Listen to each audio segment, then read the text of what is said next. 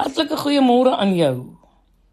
Nou in Eksodus lees ons van al die opdragte ten opsigte van Israel se priesters. Ek wil graag met jou daaroor praat. Trek vir Aaron sy klere aan saam met die mantel van die skouerkleed, die skouerkleed en die borsak. Maak die skouerkleed vas met die gordel. Sit die tulband op sy kop en maak die gewyde kroon daarvan vas. Vat die salwingsolie en gooi dit oor sy kop. Laat sy seuns ook nader staan en laat hulle hulle gewefte klere aantrek. Sit hulle gordels om hulle heupe en laat hulle die tulbande opsit. So sal jy hulle in hulle ampte aanstel. Hulle sal dan vir altyd my priesters wees. Aaron se spesiale klere moet ook gebruik word wanneer sy opvolgers in sy plek gesalf en in hulle amp bevestig word. Ons lees daarvan in Eksodus 29. Nou kyk toe Aaron, die eerste hoëpriester van Israel sterf, het iets vreemds gebeur. Nou volgens Numeri 20 het dit gebeur nadat die Israeliete van Kades na Horberg getrek het. Aaron was toe teen hierdie tyd al 'n bejaarde man en hy was ook sterwend. Nou God praat toe met Moses, is nou Aaron se broer en sê vir hom 'n baie vreemde ding. Hy gee hom 'n vreemde opdrag. Hy sê neem Aaron en sy seun teen die berg op. Trek dan Aaron se klere uit en trek dit vir sy seun aan. Dan sal Aaron sterf.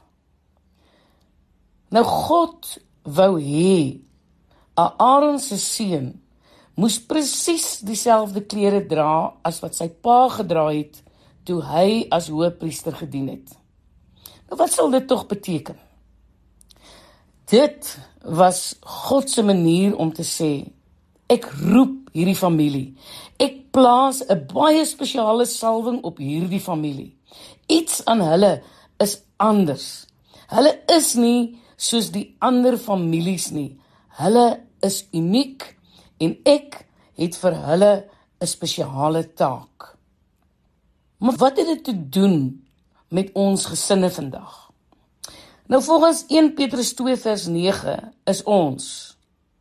Dit wil nou sê elkeen wat in Christus glo, 'n koninkryk wat uit priesters bestaan. Ons is nie soos die ander gesinne wat in ons doodloopstraat in ons omgewing bly nie. Nee, ons is 'n gesin van priesters. Ons is geroep, ons is gesalf. Dink aan die spesiale klere wat jy elke dag aantrek terwyl jy jou dagtaak aanpak. Wat dra jy? Watter soort klere dra jy oor aan die volgende geslag?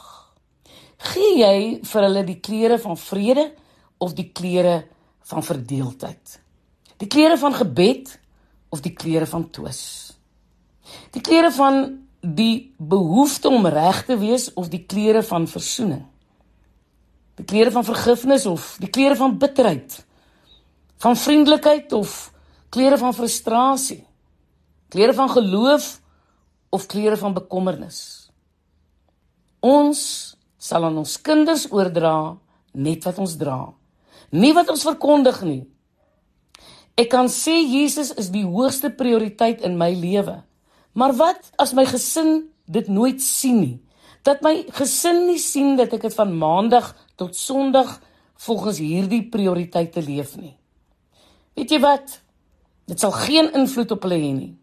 Ek sal nie oordra wat ek sê nie. Ek sal nie oordra wat ek dra nie. Dit lyk of die ware aard en diepte van ons geloof en karakter in beproewende tye geopenbaar word.